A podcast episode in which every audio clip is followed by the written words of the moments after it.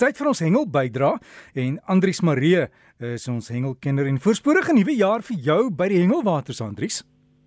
Môre Dirk en môre aan die luisteraars. Ja, baie dankie. Voorspoedige nuwe jaar vir jou ook Dirk. Mag dit vir jou 'n besondere goeie jaar wees en mag die Here ook vir julle se rykse seën oor julle uitstort in hierdie nuwe jaar. Wel ek hoop jy daarom 'n bietjie geslaap. Daar was nie te veel vuurwerke by julle nie, maar ons kan hengel. Wat is die hengelnuus van reg oor Suid-Afrika? Ja, nee, luisteraars, die hengelaars ehm um, was wyd en suid by die see gewees en by die damme gewees om hierdie vakansietyd te geniet.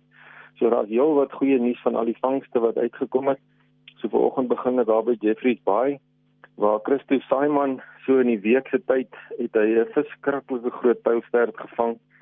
Nou hierdie pylstert se vlerkspan was gewees 185 cm. Nou ja, as mense hierdie mate sou omskakel na gewig toe direk dan weeg hierdie pylstert uh, het hy 216 kg geweeg wat 'n besondere groot pylstert is. Nou Christo baie geluk met daai mooi vis van jou en dankie ook dat jy hom weer teruggeplaas het in die see nadat jy die foto's geneem het. Direk die tyd van die jaar is daar heelwat vakansiegangers uh, wat hulle geluk probeer by die see wat so 'n bietjie lyne nat maak. So oral kan mense die uh, hengelaars sien wat op die strand en op die rotse staan en hengel. En dan nou ook so in hierdie week was daar 'n klompie mense wat daar na Margate se pier toe gegaan het. Nou ek uh, praat nou maar soos die hengelaars praat. Hulle gaan vang op die pier uh om uh, kyk of hulle 'n bietjie van die vis daar kan vang. Nou baie mense het in die week uitgegaan soontoe, maar ongelukkig was die vangste nie so goed nie.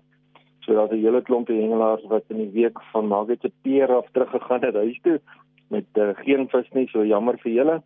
Ons het gehoor die vis was maar bietjie moeilik daar gewees. Nou ja, daar by die uh, KwaZulu-Natal se res van die kus uh, kom daar nog steeds sporadies van die elwe uit op die chat soos die hengelaars dit noem. Uh heel party van hulle is nogal mooi groot. Nou my oupa sou gesê het hulle is pansais. So daar's 'n heelwat van die ouens wat nou lekker vars ehm um, elwe kon geëet het na daai vangsessies. Dit ek so gepraat van Jeffreys Bay. Daar het uh, ook in die week 'n klompie hengelaars uitgegaan om die haie te gaan teiken. Nou hulle het 'n klomp uh, skeertand haie gevang of reggies soos wat die hengelaars dit noem en uh, baie mooi foto's geneem ook van daardie klompie van die haie wat hulle gevang het.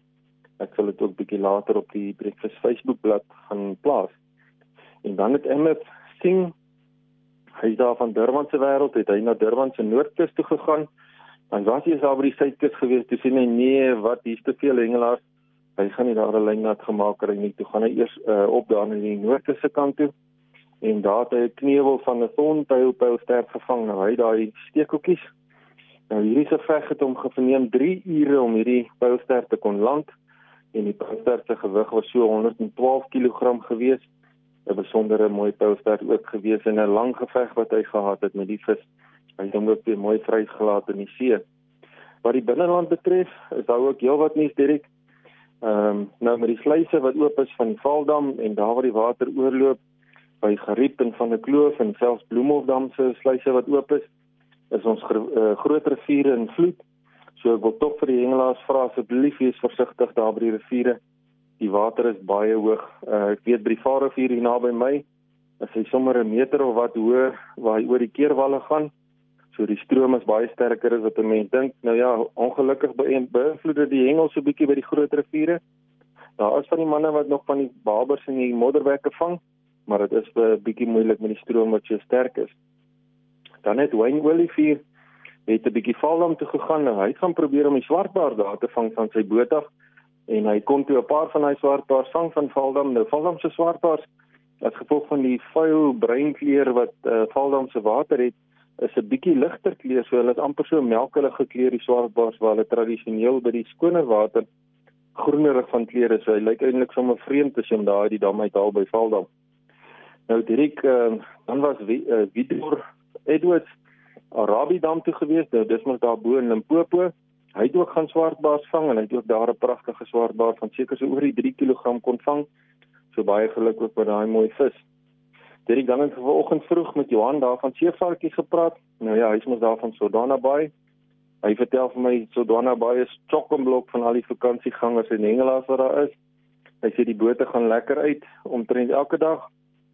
En uh, daar word 'n hele klompie marline gevang en ook van die eetbare vis soos die dorados en die kutas en selfs van die geelfintinas kom uit op hierdie stadium nie van daai groot tinas nie Hy sê so tussen 10 en 15 kg, 12 kg daar rond is die tunas steeds 'n baie lekker tuna om te eet. Hy sê daar heer sommer 'n lekker vakansiegees daar by Sodana met al die mense wat daar is. Derek ek het 'n hele klompie foto's gekry van al die vangste so deur die land. Ek gaan hulle nou plaas daar op die Breakfast Facebookblad. En uh, dan wil ek tog net weer vir die hengelaars vra asseblief wees versigtig by die groot riviere. Ehm um, die water is baie sterk en uh, dis baie misleidend as jy daar langs die oewer is en jy wil deur die water loop om dalk in die water te gaan hengel. Dirk baie dankie. Dis al die hengelnuus van my kant af en groetnis van almal. Andries baie dankie en dankie vir die foto's wat jy deel. Jy weet, ek kry baie keer, jy weet ons kry mense wat uh, sê maar hoe kan julle hierdie groot visse vang, jy weet? En ons antwoord het altyd, ek weet julle werk baie nou saam met van die ouens by natuurbewaring, so van die visse, uh julle hou die traumatisering tot 'n minimum. Julle sit etikette aan, hulle word vrygelaat vir navorsing. Jy weet, so dis nie dis nie sommer net gaan vir die pret iets doodmaak nie, né? Nee nee, dit is glad nie. Hierdie groot vis waarvan ek spesifiek nou gepraat het, is in elk geval nie eetbare vis nie. Ehm um, jy weet die pylsterte en die groot uh, haie is nie 'n eetbare vis nie. So die mense vang hulle net vir die sport soos wat jy gehoor het. Jy weet jy het uh, baie lank geveg omdat jy probeer om daardie vis uh, geland te kry en wanneer hy dan veilig in die vlakwater van die branders is, dan word hy weer ehm um, geherstel of gerevive soos wat ons dit nou noem in die hengeltaal totdat die vis weer sterk genoeg is om te kan uitswem. So die mense kyk baie mooi na die vis. Daar is wel van die vis wat gehou word vir die eetbare vis. Ehm um, en dit is ook reg so. Maar ehm um, die groter vis wat geteken word is definitief vis wat vrygelaat word. Jy onthou nie daardie vis nie. Andries, alle voorspoed vir jou en soos jy gesê het, veilig wees by die hengelwater en ek is so bly baie van die damme is vol en die wat nog nie vol is nie, kry darm bietjie afloopwater. So kom ons hoop. Baie dankie, Dirk. Andries Marie met ons hengelnuus en as jy wil gaan kyk of vir daai fotos, dis op die Breakfast Facebook bladsy en is B R E K F I S. Sluit aan by die groep en jy sal die fotos daar kry. Ek het ook daar, jy weet, 'n paar van die ander goed van die program geplaas, so jy kan lekker daar gaan rondplaai. En uh as jy vir Andries wil epos, dalk 'n uh, bietjie nuus daaroor hengel uit jou omgewing, stuur vir hom hengel by rsg.co.za. Hengel by rsg.co.za.